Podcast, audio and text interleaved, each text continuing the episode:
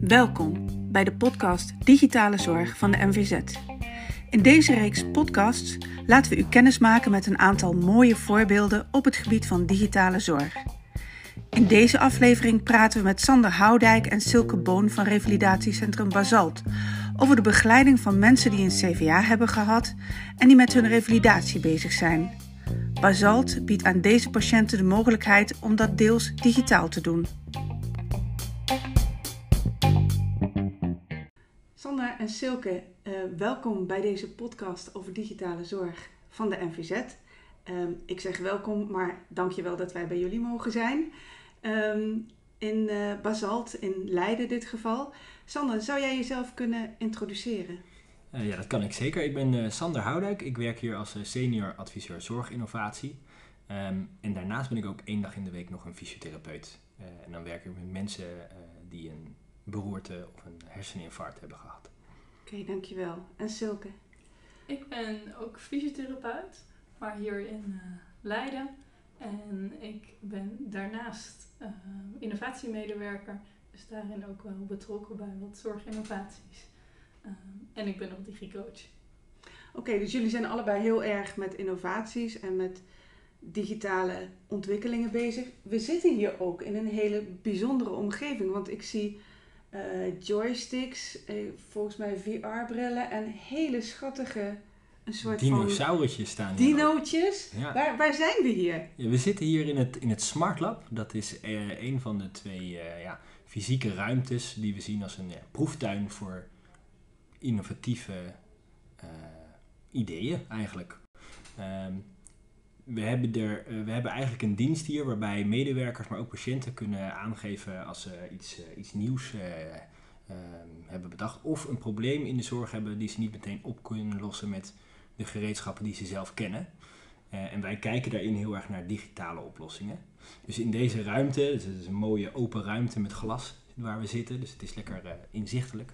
Dan zie je bijvoorbeeld twee kleine dinootjes staan die onze kinderen die hier revalideren kunnen gebruiken om eh, sociale vaardigheden te leren. Uh, maar ook beeldschermen waar, schermen waarin je kan serious gamen en VR-brillen. En, en, en, die, die middelen die vooral eigenlijk voor hele andere doeleinden vaak ontwikkeld zijn, gaan wij kijken of die ook voor de revalidatiezorg in te zetten zijn. Nou, die, die dinootjes, ik heb ze net even aan het werk gezien. Ja, daar smelt je van. Die, die zijn echt super schattig. Ja, ze zijn echt super schattig. En je moet ze aaien en dan geven ze je kopjes terug. En de kinderen vinden het ook heel leuk om er iets mee te doen. Ja, ja. kan ik me heel goed voorstellen.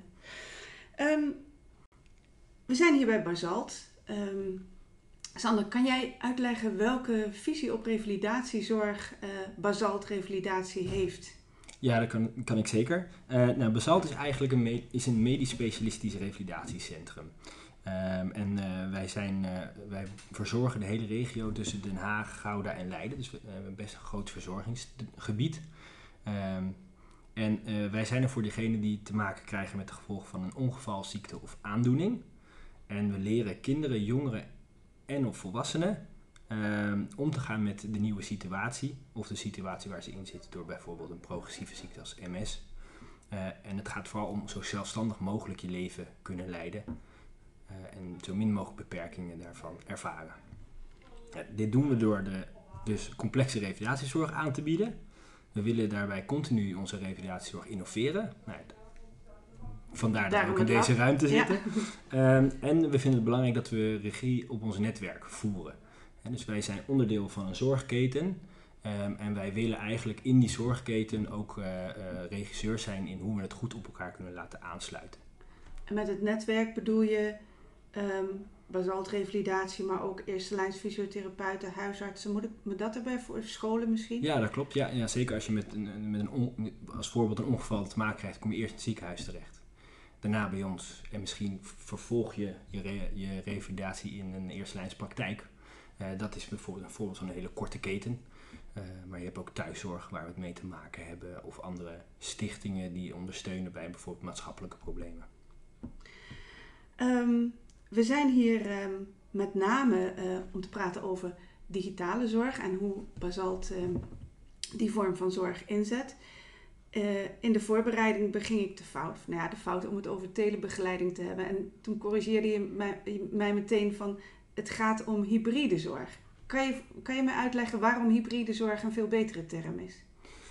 Uh, ja, dat kan ik, denk ik wel. Tenminste, ik hoop het. Uh, telebegeleiding, dat suggereert eigenlijk dat je op afstand mensen monitort en dat je ook op afstand communiceert met de patiënt. En je hoeft daarvoor niet fysiek in contact te zijn met de patiënt.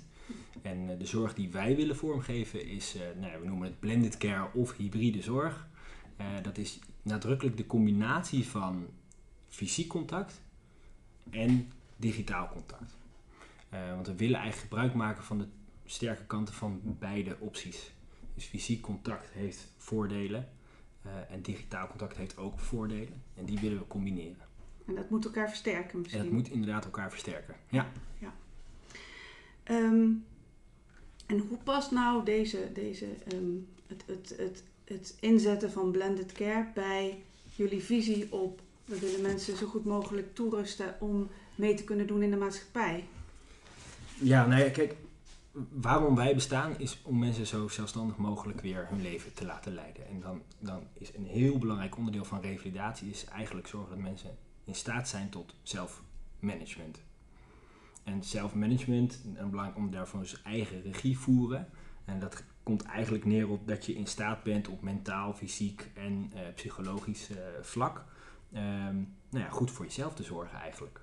Um, en dat je zelf die keuzes maakt en niet meer uh, geleefd wordt door je ziekte of door anderen.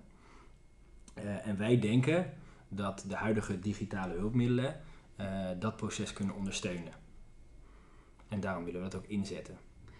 En um, we zijn hier ook specifiek om te praten over hoe je digitale zorg inzet voor de zorg voor CVA-patiënten, dus mensen die een beroerte hebben gehad of een herseninfarct. Um, hoe past deze uh, blended care, hybride zorg, in de zorg voor uh, mensen met CVA? Ja, dat is een goede vraag. Want de, deze doelgroep heeft onder andere ook vaak met cognitieve problemen te maken. en dat maakt het soms lastiger om digitale middelen in te zetten bij ze. Ehm, toch weten we uit sommige onderzoeken dat juist de mensen die cognitieve problemen hebben, juist heel veel baat hebben bij de structuur die je aan kan bieden bij digitale hulpmiddelen. Dus om een voorbeeld te geven, we hebben een van een applicatie die modules aanbiedt uh, over een bepaald thema. Dus bijvoorbeeld educatie over hersenletsel. en dat kun je heel gestructureerd aanbieden aan een patiënt met een kop en een staart en heel gelaagde informatie. Waarbij de patiënt ook actief vragen kan, kunt stellen en, en online ook vragen, of eigenlijk op afstand ook antwoorden kunt geven. Omdat het zo gestructureerd is, kan een patiënt dat juist heel erg helpen. We weten ook wel dat het moeilijker is om het te laten gebruiken, want ze moeten wel kunnen inloggen bijvoorbeeld. Ja, dat, ja. dat kan ik me ook voorstellen. Ja. Dat gewoon, um, ik herinner me uit mijn omgeving dat mensen, iemand die een CVA heeft, ge heeft gehad of die daarvan herstellend is, gewoon letterlijk niet meer wist hoe zijn telefoon werkte. Nee, nee, dat komt zeker voor. Ja. En dat moet je ook, dus die hulp moeten mensen al kunnen nemen voordat je ze uh, kunt helpen met, uh, met hybride zorg. Ja, we hebben eigenlijk geleerd, hè, en dat, daar kan Silke denk ik ook, uh, ook over meepraten, is dat het heel erg belangrijk is dat je goed kunt leren inschatten voor wie dit nou wel en voor wie dit nou niet geschikt is. Ja. Um, en daarvoor is het ook belangrijk om te weten wat zijn nou de voordelen van digitaal en wat zijn de nadelen van digitaal, zodat je kan inschatten in hoeverre het uh, geschikt is voor die patiënt. En wat ook nog wel een goede aanvulling is, denk ik, is dat juist van de CVA-patiënten weten we dat we een hele intensieve zorg moeten bieden om zoveel mogelijk te herstellen in de eerste periode. En dat kunnen we wel beter bereiken door die blended care in te zetten. Door dus echt die regie bij de patiënt te leggen, zodat ze ook meer gaan oefenen en het dus ook uh, beter volhouden als ze hier met ontslag zijn. Want we weten van CVA-patiënten dat ze best wel terugvallen uh, als ze vervolgens dan hier in zo'n revalidatiecentrum klaar zijn. Uh, en op het moment dat ze al meer gestimuleerd worden om bijvoorbeeld zelf hun oefeningen te gaan doen, Um, dan is wel de hoop natuurlijk dat ze dat ook langer vol blijven houden thuis, waardoor ze minder achteruit gaan. Ja. Dus daarin sluit het juist ook wel weer heel erg aan bij die CVA-doelgroep. Misschien is dit ook het punt om uit te leggen waaruit die, uh, die, die begeleiding die je op afstand doet dan uh, bestaat. Want dan is het misschien ook beter voor te stellen waarom het zoveel intensiever kan op het moment dat je, dat je hybride zorg inzet. Wat, wat, wat doen jullie voor mensen? Um, op, hebben jullie apps of, of andere manieren om te ondersteunen voor mensen die thuis digitaal aan de slag gaan met ja, ik, revalidatie. Ik, denk dat het beste is om gewoon een praktijkvoorbeeld te nemen. We hebben uh, een, uh, een, een, behandelmethodiek voor het uh, herstel van de arm-handfunctie na hersenletsel. En die heet CARAS. Een hele moeilijke afkorting van een hele moeilijke Engelse naam. CARAS is afkorting van een hele moeilijke Engelse naam. Die ga ik hier niet herhalen. maar het is een, eigenlijk een wetenschappelijk onderbouwd behandelprogramma die voorheen klassiek aangeboden werd in het revalidatiecentrum. En die hebben we eigenlijk omgebouwd en daar hebben we naar gekeken hoe kunnen we daar nou de digitale mogelijkheden aan toevoegen. Want klassiek aanbieden houdt dus ook gewoon in nog een papieren boekje met oefeningen erin, wat iedere keer meegegeven wordt aan de patiënt. Ja. Dus eigenlijk, eh, stel, uh, Sielke is patiënt en die komt, uh, die komt bij ons in revalidatie. Dan gaan ze eerst een paar onderzoeken krijgen en dan, wordt gekeken naar wat kun je nu wel en wat kun je niet met die, met die arm. En hoe digitaal vaardig ben je en uh, wat zijn je wensen daarover. En dan wordt bepaald of ze in de arm-handgroep komt. Nou, we gaan even vanuit ook in dit geval in de arm-handgroep komt. En dan gaat zij um, doelen opstellen wat ze met de arm wil. Um, en daarop moet ze vooral gaan oefenen. En zoals ook al zei, daarbij is het heel belangrijk dat intensief geoefend wordt. Want hoe intensiever, hoe sneller en ook een beetje hoe beter ze herstellen. Ehm, en dat doen we dan in de groep met hulp en vragen stellen. En, en, dan kunnen we meekijken als therapeut. Dan kunnen we ook het gesprek aangaan met die therapeut. Uh, want bij oefenen heb je het oefenen, maar ook de confrontatie met wat je niet kan.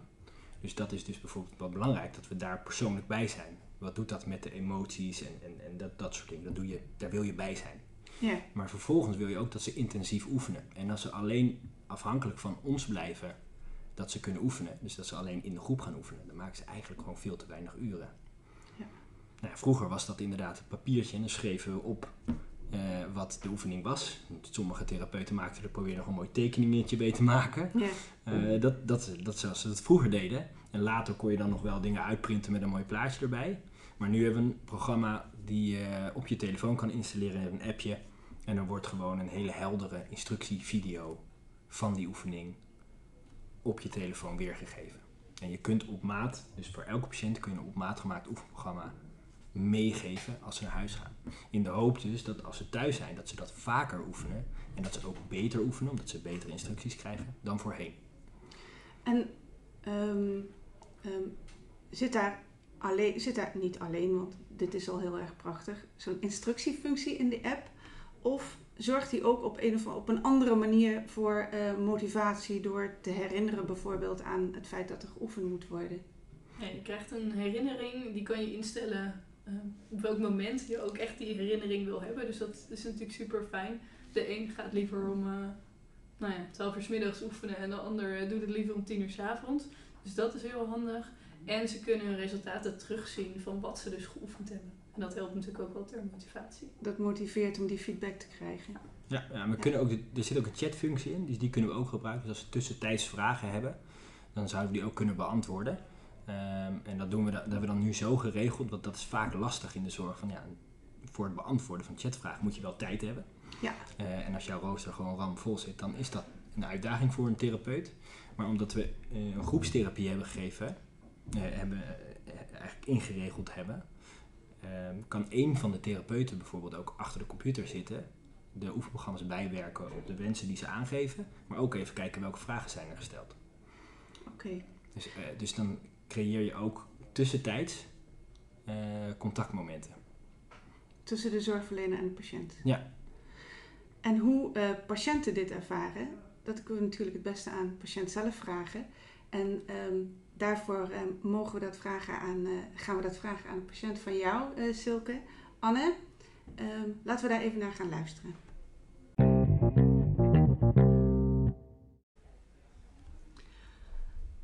Anne, jij maakt gebruik van ehm, digitale zorg, van de app.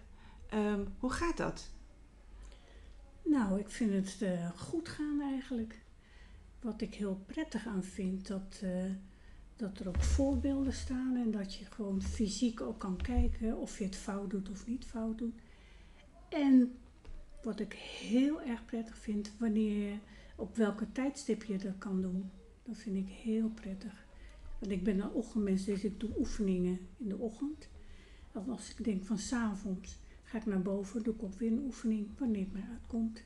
Ja, want hoe, hoe werkt het precies? Je hebt een app op je telefoon Ja, en, ik heb en een dan? app op mijn telefoon. En dan eh, gaat het gewoon vanzelf. Ik, ik heb ook vaak opdrachten. Dan krijg ik van Silke krijg ik dan opdrachtjes van eh, welke oefening voor mij handig is. En dan ga ik dat gewoon doen. En dan is het, ik had het in het begin verkeerd begrepen. Ik dacht dat ik elke dag zo'n eh, oefening moest doen. Maar het is drie keer per week. Maar ik vind het ook wel leuk om elke dag wat te doen. Wanneer het me uitkomt. Je bent eigenlijk iets fanatieker dan strikt noodzakelijk. Ik vind het heel, eh, nou laat ik het zeggen, echt patiëntvriendelijk. Ja? Ja, ja, En vind wat, ik wel. wat, wat vind je het patiëntvriendelijke da- daaraan? Nou, dat je het ook kan zien of je het goed doet. Want het is natuurlijk ook dat je het kan zien. Je krijgt wel een opdracht en dan doe je het dan. En dan kan je het ook zien of je het goed doet. En dan start je het gewoon en dan denk je, oh heb ik het nou goed gedaan? En dan lees je nog even eh, de opdracht en dan, ja, dat vind ik heel prettig. Dus gewoon het feit dat je zo vaak als je wil die instructie kunt zien of teruglezen, Ja. dat maakt het makkelijker. Ja. Dus ik vind ook eigenlijk voor de, nou ja, mijn medepatiënten, dat het ook heel leuk is om die podcast te gebruiken. Of niet de podcast, maar de oefeningen gebruiken. Ja, ja. Dan leer je ook wat meer bewegen. ja. Is het een ingewikkelde app om te gebruiken? Nee, het is een heel vriendelijke, gebruiksvriendelijke app. Want was je hiervoor ook veel eh, met telefoon of met apps of met... eh, nee, nee, helemaal niet. Ik wa- was niet zo handig. nee. Maar ondanks dat is het makkelijk Is het om ermee om te makkelijk, ja. Ook dat installeren, dat ging ook allemaal heel goed. gaan. Fijn? Ja. Goed om te horen. Sander, woorden net Anne. En Anne is op zich heel erg enthousiast over deze manier van zorg. Ehm, voor welke patiënten is dit nou heel geschikt om in te zetten? Ja, we hebben eigenlijk eh, in de ervaringen die we op hebben gedaan eh, bij het inzetten van blended care, hebben we ook eh, bij patiënten nagevraagd eh, wat ze ervan vinden. Dus we hebben via enquêtes uitgevraagd hoe tevreden ze ermee zijn. En, en daar kwamen eigenlijk hele goede scores uit. Dat, vertelde Anne net ook eh, eh, heel mooi. Eh, maar we zijn ook wel wat dieper gaan graven en we wat meer kwalitatieve data proberen te zoeken. En we hebben focusgroepen gehad met verschillende soorten patiënten. Dus ook juist de patiënten waarvan we weten dat het misschien juist wat moeilijker is. De wat minder digitale patiënt. de patiënt met een andere, met een andere migratieachtergrond. En, en daar hebben we ook wel waardevolle informatie van wanneer het juist moeilijker is voor patiënten. Dus we weten bij onder andere de CVA-patiënten dat cognitieve problemen, eh, die kunnen echt ervoor zorgen dat het in, niet te gebruiken is. Ja. En vaak zien we dat juist in het begin van het revalidatieproces en in de loop van het revalidatieproces ontstaat misschien meer de kans om het alsnog in te zetten. Ehm, je hebt ook wel een bepaalde mate van digitale vaardigheden nodig.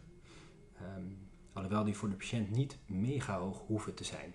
De apps die wij hebben uitgekozen zijn we zorgvuldig onderzocht op, eh, op bruikbaarheid ook voor de patiënt. Dus die zijn makkelijk in gebruik. Eh, maar dan nog, je hebt wel een beetje kennis ervoor nodig. Hè, dus wij vragen eigenlijk vaak van, gebruikt u WhatsApp voor een chatberichtje en Ja. eh, schrijft u wel eens een, een, een e-mailtje. En als ze dat kunnen, dan kunnen ze vaak ook wel deze applicaties gebruiken. Ehm, maar we hebben ook te maken met patiënten die bijvoorbeeld last hebben van overprikkelingsklachten. Eh, dus die hebben eigenlijk moeite met het verwerken van bijvoorbeeld licht dat uit een beeldscherm komt. Ja, Ja, dan moet je ze natuurlijk niet digitale zorg aan geven, want dan, eh, dat is niet handig. Nee. Dus daar, daar moeten we rekening mee houden. En dat hebben we ook eh, ja, dat, dat, dat hebben we met de behandelaren ook zo ontdekt en, en, en verteld aan elkaar. Die En- moet je wel en die moet je niet laten inzetten. En inmiddels is daar ook een protocol voor ontwikkeld welke patiënten wel en niet geïncludeerd worden? Ja, we hebben het nog niet in een protocol gegoten. We hebben het vooral in uh, gedeelde kennis uh, in het bedrijf een beetje gedaan. Dus nog wel iets wat we, wat misschien nog kunnen gaan doen.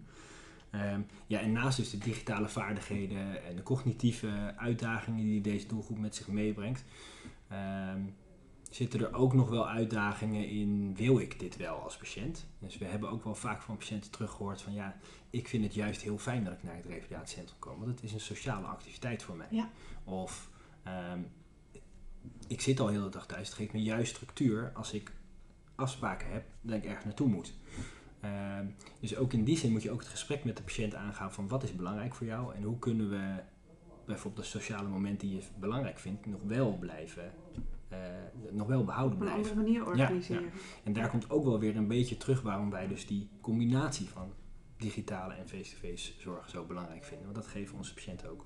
Waarom het echt hybride zorg moet zijn. Juist, ja. ja, ja. Welk percentage van de patiënten uh, bied je deze vorm van zorg aan? Van de CVA-patiënten uh, bedoel ik dan? Ja, we hebben steeksproefgewijs een beetje bijgehouden hoeveel patiënten het aangeboden krijgen en welke niet. En we zitten nu op een percentage dat ongeveer 40% van onze CVA-patiëntendoelgroep uh, digitale zorg heeft aangeboden heeft gekregen. En we schatten in dat daar nog 20% in zit dat we het ook nog moeten leren aan te bieden. Ja. dus we komen zo'n beetje op zo'n 50, 60 procent uit. Dat betekent dat best nog een aanzienlijke groep van deze doelgroep uh, geen gebruik maakt of gaat maken van digitale zorg. Ja. En de patiënten die daar geen gebruik van willen maken, op welke grond gebeurt dat? Of is dat uitsluitend wat jij net al aangaf? Dan mis ik mijn sociale moment en ik vind het ook fijn om naar een revalidatiecentrum te gaan. Ja, ja het zijn hele diverse, hele diverse redenen waarom patiënten het soms niet willen. Er zit, nee, er zit eigenlijk alles wat we net noemden, hè, de digitale vaardigheden, die je ook niet digitaal voelen het misschien wel zijn, maar niet voelen. Ja. Um, dus het is heel belangrijk dat een therapeut heel goed uitlegt wat de voordelen van digitale zorg zijn, uh, maar ook de nadelen, zodat die patiënt samen met de therapeut goed kan beslissen wat ze doen. Um, en ik denk dat het ook heel erg belangrijk is dat het, het, uitleggen van die voordelen is belangrijk, want als patiënt is dat niet zo zichtbaar eigenlijk, waarom nee. dat nou zo goed voor je is om, uh, om een app op je telefoon te krijgen. Dus dat moet je, moet je goed uitleggen. En uh, patiënten geven, hebben ons ook aangegeven dat ze dat ook herhaaldelijk uitgelegd willen krijgen. Weer opnieuw willen horen. Ja. ja. Dus net zoals dat ze herhaaldelijk willen leren hoe gebruik ik het, willen ze het ook herhaaldelijk weten waarom moet ik dat ook weer op die manier doen. Ja, ja. Je vertelde net dat jullie uitgebreid onderzoek hebben gedaan, hè, zowel uh, kwantitatief als kwalitatief, naar de ervaringen van de patiënt met digitale zorg, sorry, met hybride zorg. Um, kun je dat ook op een of andere manier terugzien in resultaten al? Van de, de, de, de mate waarin mensen herstellen. Ik weet niet welke, welke criteria je daarvoor zou kunnen gebruiken, maar kun je dat terugzien?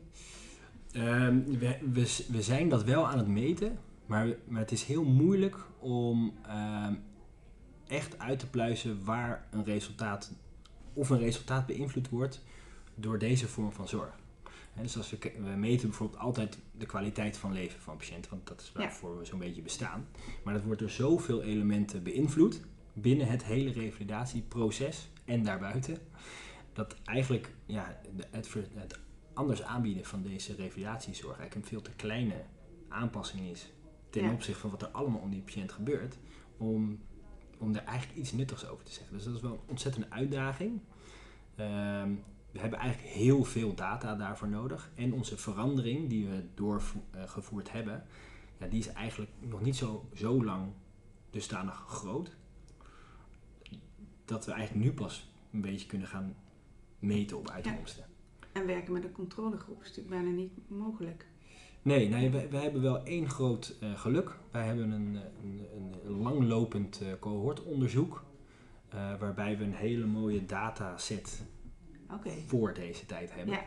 Dus we kunnen daarin wel, wel gaan controleren. We hebben een, een, project gedraaid van, op basis van een Z-subsidie. Uh, daar hadden we dan weer de pech dat er ook dus een hele grote coronaperiode in zat. Oh ja. Dus dan, ja, dan, dan vergelijk je niet eenzelfde situatie. Nee. Dus dat moeten we dus nu nog gaan doen. En een Z-subsidie is een subsidie die ingezet kan worden voor... Ja, voor het opschalen van het gebruik van e-health-applicaties. Ja. En dat is eh, een ZonMW, eh, ehm, eh, door ZonMW wordt die eh, uitgegeven. Stimulering e-health thuis. We hebben het net gehad over ehm, nou, dat het uitdagingen met zich meebrengt voor patiënten. Maar de introductie van ehm, hybride zorg of digitale zorg, ehm, wat bracht dat eh, bij jouw collega's eh, teweeg? Gingen die onmiddellijk eh, zonder aarzelingen mee in deze ontwikkeling? Nee. Nee, nee, nee. We hebben ook, ook intern natuurlijk te maken gehad met ze, wat ze dan noemen weerstand. Ja? Ik vind het altijd wel interessant om te benoemen dat ik het ook eigenlijk een vorm van interesse vind. Eh, ehm, weerstand klinkt wat negatief, maar weerstand vind ik ook een vorm van interesse. Je, het, het gaat je aan het hart wat er, wat er veranderd wordt voor de patiënten. Want als het jou niks zou doen, dan zou je geen weerstand hebben, bedoel je? Precies. Ja. Ja. Ja. Ehm, dus nee, we hebben zeker eh, ehm, de mensen gehad die interesse hebben. Wat betekent dat nou? En daarbij ehm, daar kwamen vragen bij van ja, wat, waarom is dat dan beter? Eh, hoe werkt dat dan? Ehm, ehm, kan ik dat wel? En willen mijn patiënten dat wel? Hè? Dus eigenlijk op die hele, dat hele spectrum van, van waar je weerstand kunt verwachten, ze- hebben we ook wel weerst- weerstanden gehoord. Hoe ben je met die weerstand omgegaan? Ehm, nee, we hebben verschillende eh, projecten kunnen draaien hier. En we hebben eigenlijk elke keer in die projecten eerst een analyse gedaan eh, op nou ja, wie moeten we, wie krijgt te maken met deze verandering. Dus dat zijn met name behandelaren en de patiënten zelf. Maar ook de ondersteunende diensten die om die behandelaren heen zitten. En dan gaat het vooral over van, nou wat, wat denken die mensen? Eh, wat denkt die doelgroep? Wat kan die doelgroep nu? En hoe ziet eh, hun zorg daar naar uit? Dus je kijkt naar de doelgroep zelf. Wat overtuigt hun? Wat zijn hun angsten? Wat zijn dingen die ze motiveren om iets te gaan doen? En daarna kijken we in de volgende analysestap naar ja, in welke omgeving zitten zij dan? Waar hebben ze mee- nog meer mee te maken? Spelen er andere projecten? Eh, hoe zit dat eigenlijk met bijvoorbeeld eh, financiering van dit geheel? Ja. Zou dat een probleem kunnen zijn? Dus je kijkt dan veel meer naar de omgeving waarin die doelgroepen acteren. Ehm, en we kijken ook naar de vernieuwing zelf. Dus eh, wat voor impact gaat deze vernieuwing hebben op het dagelijkse werk van de eh, eh, behandelaren en patiënten? En soms is dat een kleine verandering, maar soms gooi je dagelijks werk helemaal om. Ja. En dat heeft natuurlijk een veel grotere impact. Nou, en dat zijn al die analysestappen maken we eigenlijk van tevoren. En daarop gaan we kijken, gaan we het doen? Is dit de juiste tijd? En wat is er dan aan ondersteuning nodig om eh, de mensen te overtuigen deze nieuwe vorm van zorg te gaan doen? Dat is een hele grondige, veranderkundige aanpak. Ja, ja en dat is, dat is, ehm, dat is, daar zijn we ook wel trots op dat we het zo hebben kunnen doen. Het, het, het leuke daarvan is ook omdat we het dus eigenlijk ook, we doen die analyse, maar we hebben die analyse in verschillende projecten steeds kunnen versterken. Ja. Eh, dus we hebben dat in Fast at Home gedaan, dat was een project vanaf 2015. We hebben dat Ik Hoe Zelf project gedaan, dat was een start vanaf 2019. Die is nu net weer afgerond. Ehm, en we gaan dat nu weer doen met een eh, strategisch project waarbij we de hele organisatie dit willen laten gebruiken. Ehm, eh, en dat, eh, dat heeft zeker wel eh, geholpen in het, denk ik, in het effect van wat we bereikt hebben. We zitten nu ongeveer dus op zo'n 30, 40 procent van al onze patiënten die een CVA hebben gehad, die het aangeboden hebben gekregen. Ja, ja. Dus, dus bijna alles wat we denken te kunnen bereiken. Silke, jij bent een van die collega's die te maken heeft gehad met nou ja, de, de, de ervaringen uit al die impactanalyses die gedaan zijn. Eh, hoe, eh, hoe heb jij dat ervaren? Hoe heb jij de introductie van ehm, hybride zorg bij jou en je collega's ervaren? Ehm, ik was er zelf best wel enthousiast over. Maar voor mij is het ook iets wat ik relatief makkelijk toe kan passen. Dus daarin zaten voor mij wat minder belemmeringen. Heel eerlijk, ik zal ook nog wel eens een huiswerkprogrammaatje op papier geven. Ehm, omdat het gewoon even makkelijker is. Maar meestal nou ja, kan ik het goed inzetten. Dus dat maakt het voor mij een stuk makkelijker. Ik zie wel en ook collega's die het best ingewikkeld vinden, zich er niet heel erg zeker over voelen. Ehm, en dan natuurlijk ook wel met de argumenten komen van, oh, waarom moet ik het eigenlijk doen? Ik heb er geen tijd voor. Enzovoort. We hadden wel dat we uh, ermee begonnen met, met dit project echt uh, in coronatijd. Dus toen was het juist een hele mooie aanvulling. Uh, dus waren we er eigenlijk nou ja, noodgedwongen al mee bezig.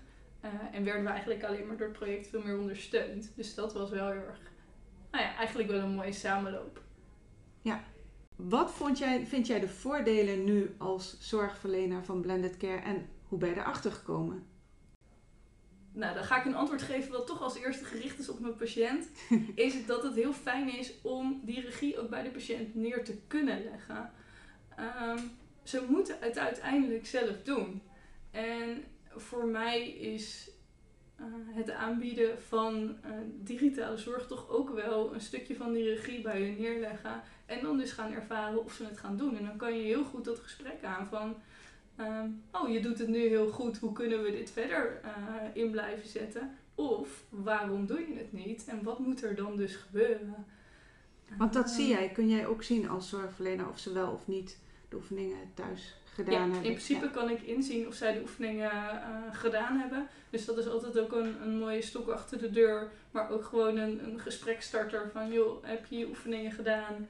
Uh, en als patiënt dan zegt ja, dan kan ik zeggen dat klopt. Of ja, maar je bent nog helemaal niet ingelogd. Dus hoe heb je dat dan toch gedaan? um, dus dat, dat geeft echt wel extra uh, inzicht. Um, ja, en het is fijn dat ik ook gewoon zelf bijvoorbeeld kan zien wat uh, mijn collega's ook al aanbieden aan de patiënt.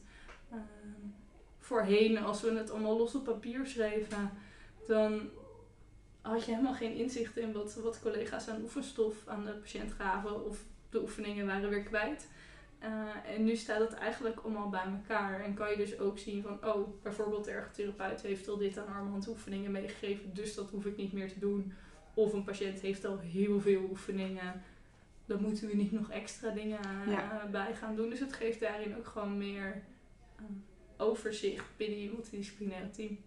Sander, terug naar jou. Um, welke uitdagingen heb je nog? Welke, kom je nog hiccups tegen of heb je nog grootste plannen voor de toekomst? Ja, nee, we zijn uh, nog onderweg, vind, ja. vinden we. Uh, we zijn bij de CVA NAH doelgroep, die wel de belangrijkste doelgroep uh, voor ons revalidatiecentrum is, een heel end, maar ook, niet, ook nog niet helemaal. En we moeten nog de slag maken naar echt opschaling naar alle andere diagnoses.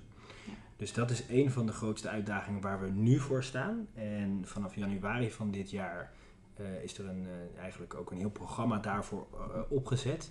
Die eigenlijk ons als bedrijf klaar moet stomen om continu deze vorm van zorg te kunnen aanbieden, te kunnen blijven aanbieden. En ook dat we ook elke keer de beste zorg kunnen blijven aanbieden. Dus dat we niet nog tien jaar weer met deze app blijven werken. Maar als er een betere app komt, dat we die dan ook kunnen uh, gaan dus inzetten. constant kunt blijven vernieuwen. Ja, precies. Dat staat ook in een van ja. onze uh, kernwaarden. Hè? Dus we ja. innoveren continu onze zorg. Uh, dus de komende jaren is dat echt een hele belangrijke stap die we moeten gaan nemen.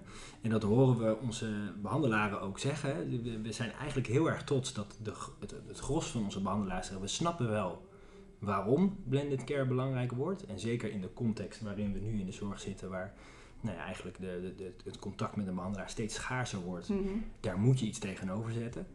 Um, maar het gaat nu ook vooral heel erg over uh, hoe kunnen we het inzetten en, en uh, werkt het allemaal goed zoals we willen.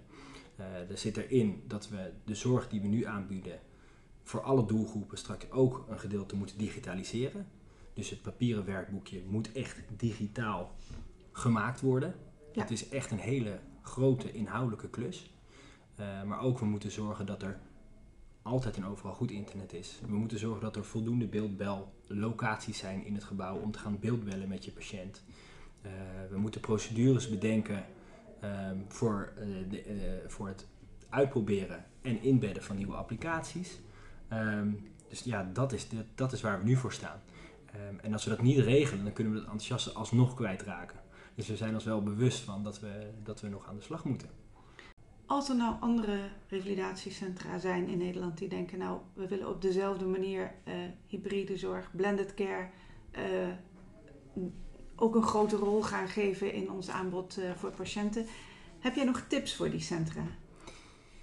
Ehm, ja, nou, e- één is leuk om te noemen dat we elkaar gelukkig ook wel goed vinden. We hebben onlangs nog een hele sessie gehad met eh, alle andere revalidatiecentra die hiermee bezig zijn. Om ook gewoon te leren van elkaar. En dat is ook gelijk een van mijn tips. Dat moeten we blijven doen. We zijn eigenlijk met heel veel centra met hetzelfde bezig. Uh, dus we moeten zorgen dat we de geleerde lessen van elkaar ook, uh, ook weten. En iets waar we trots op zijn is die, die goede analyse die we van tevoren hebben gedaan. Dus eigenlijk dat stapgewijs aanpakken van zo'n implementatie. Dus dat is ook wel een, een goede tip. Weet wie je doelgroep is. Analyseer wat de impact is van de verandering die je, gaat, die je teweeg gaat brengen in welke context vindt dat plaats. En kies op basis van die informatie wat, wat er nodig is om de behandelaren te overtuigen en de patiënten te overtuigen te gaan inzetten. Um, en wat denk ik ook wel belangrijk is, je moet in dit soort dingen ook wel gewoon een beetje lef hebben en stappen durven te zetten. Want het is en blijft een wereld die, die, nou ja, die allemaal hobbels en hobbels kent, die je echt niet van tevoren elke keer ziet aankomen. Nee. En, en, soms betekent dat, nee, we gaan, we gaan gewoon die stap zetten. Uh, goed, goed verwachtingsmanagement. Ja. Van jongens, we weten, we weten, we denken dat dit goed is, maar we zullen het misschien aan moeten passen. Um, maar we gaan het wel doen. Ja. En we gaan door. Um, en dat is ook ingegeven in deze tijd dat we ook niet meer kunnen wachten. Nee. Uh, het risico is dat onze patiënten gewoon dadelijk gewoon echt te weinig aandacht van ons kunnen krijgen. Um, en dat helpt wel. Dat lijkt me een geschikt beeld voor elke zorgverlener. Ja. Ja. Ik, ik, heb nog één tip die ik graag zou willen delen. En dat, dat zei het al, weerstand is een goed teken. Ja. Um, uh, en, en, vaak wordt weerstand is dus heel vervelend en naar ontstaan. En zeker als je uh, betrokken bent bij dit soort projecten, moet je, uh, moet je dit gewoon wel leuk blijven vinden. Want anders wordt het toch wel een niet zo'n leuke baan.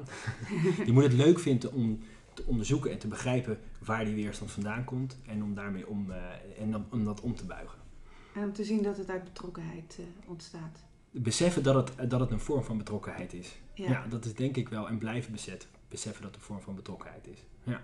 Nou, dat lijkt me een hele mooie afsluiting.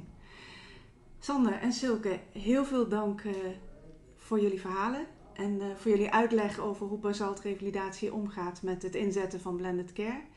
Um, mochten er nog mensen vragen hebben aan jullie, dan kunnen ze die naar ons mailen. En dan zorgen we dat, we die, uh, dat die vragen bij jullie terechtkomen.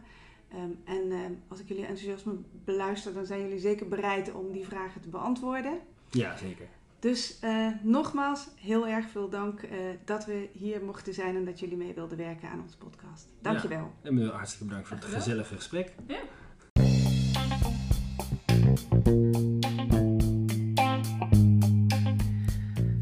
Dank ook aan mijn collega Nina Eminovic voor de inhoudelijke begeleiding. En dank aan u, luisteraars, voor het luisteren naar deze podcast. Heeft u nu nog vragen of opmerkingen voor ons of voor Sander en Silke? Stuur ze dan naar digitalezorg.nvz-ziekenhuizen.nl En abonneer u via uw podcast-app op de podcast van de NVZ. Dan blijft u op de hoogte van nieuwe afleveringen. Tot de volgende keer.